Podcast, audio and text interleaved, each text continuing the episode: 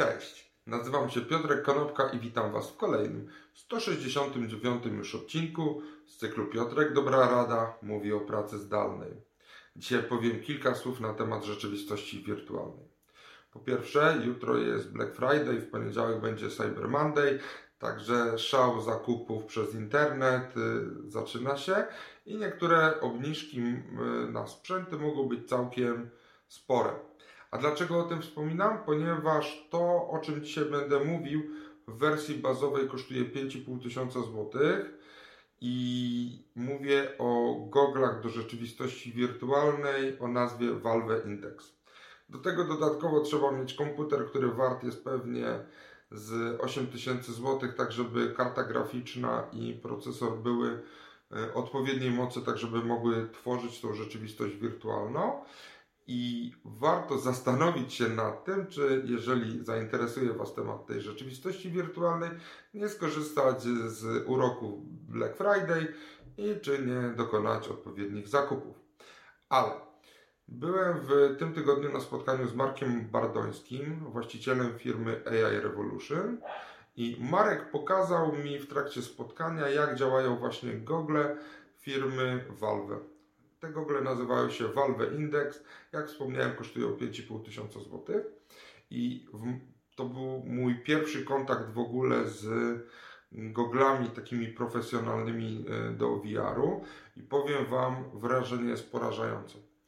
To, e, czego mogłem doświadczyć, nawet na przykładzie najprostszej gry, która, e, którą Marek mi zaprezentował, to całkowicie odmieniło mój sposób patrzenia także na możliwość pracy zdalnej, bo są aplikacje, które umożliwiają pracę zdalną właśnie z wykorzystaniem rzeczywistości wirtualnej.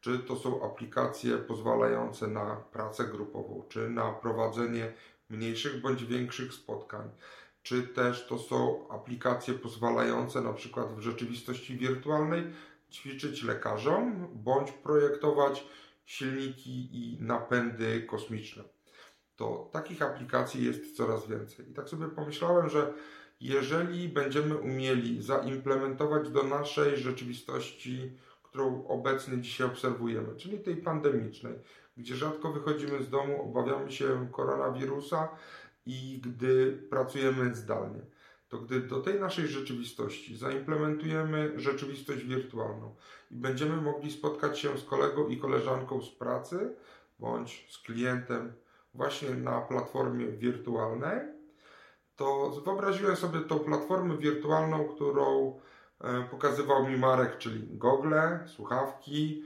kontrolery w dwóch dłoniach. Wyobraziłem sobie ją połączoną z, ze mną przy wykorzystaniu Neuralinka, który, nad którym pracuje Elon Musk.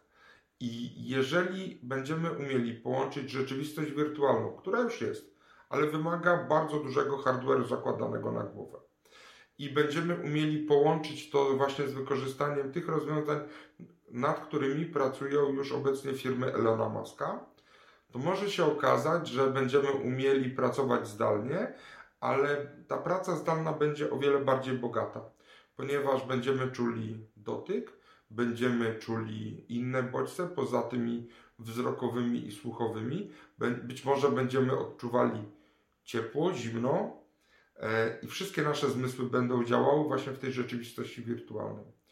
I mam poczucie, że koncepcja w ogóle cyberpunka, czy koncepcja, którą oglądaliśmy na filmach e, z serii Matrixa, to że te rzeczy są już właściwie na wyciągnięcie ręki. Tylko nie zdajemy sobie z tego sprawy, że podpięcie dodatkowych umiejętności, tak jak u Neo w Matrixie, czy podpięcie dodatkowych umiejętności, tak jak w opowiadaniach Williama Gibsona z serii cyberpunkowych y, opowiadań, to mam poczucie, że to jest przyszłość, która jest dostępna w horyzoncie być może nie dwóch, ale myślę, że w horyzoncie pięciu lat. I to może spowodować, że nieważne czy pandemia będzie się rozwijała, czy pandemia będzie się zwijała, czy będą pojawiały się nowe, nowe wirusy, to rozwój rzeczywistości wirtualnej i rozwój y, interfejsów pomiędzy komputerem a człowiekiem może przynieść bardzo duże zmiany na rynku pracy, jak i w całej gospodarce. Dzięki serdeczne, do zobaczenia i usłyszenia jutro. Na razie.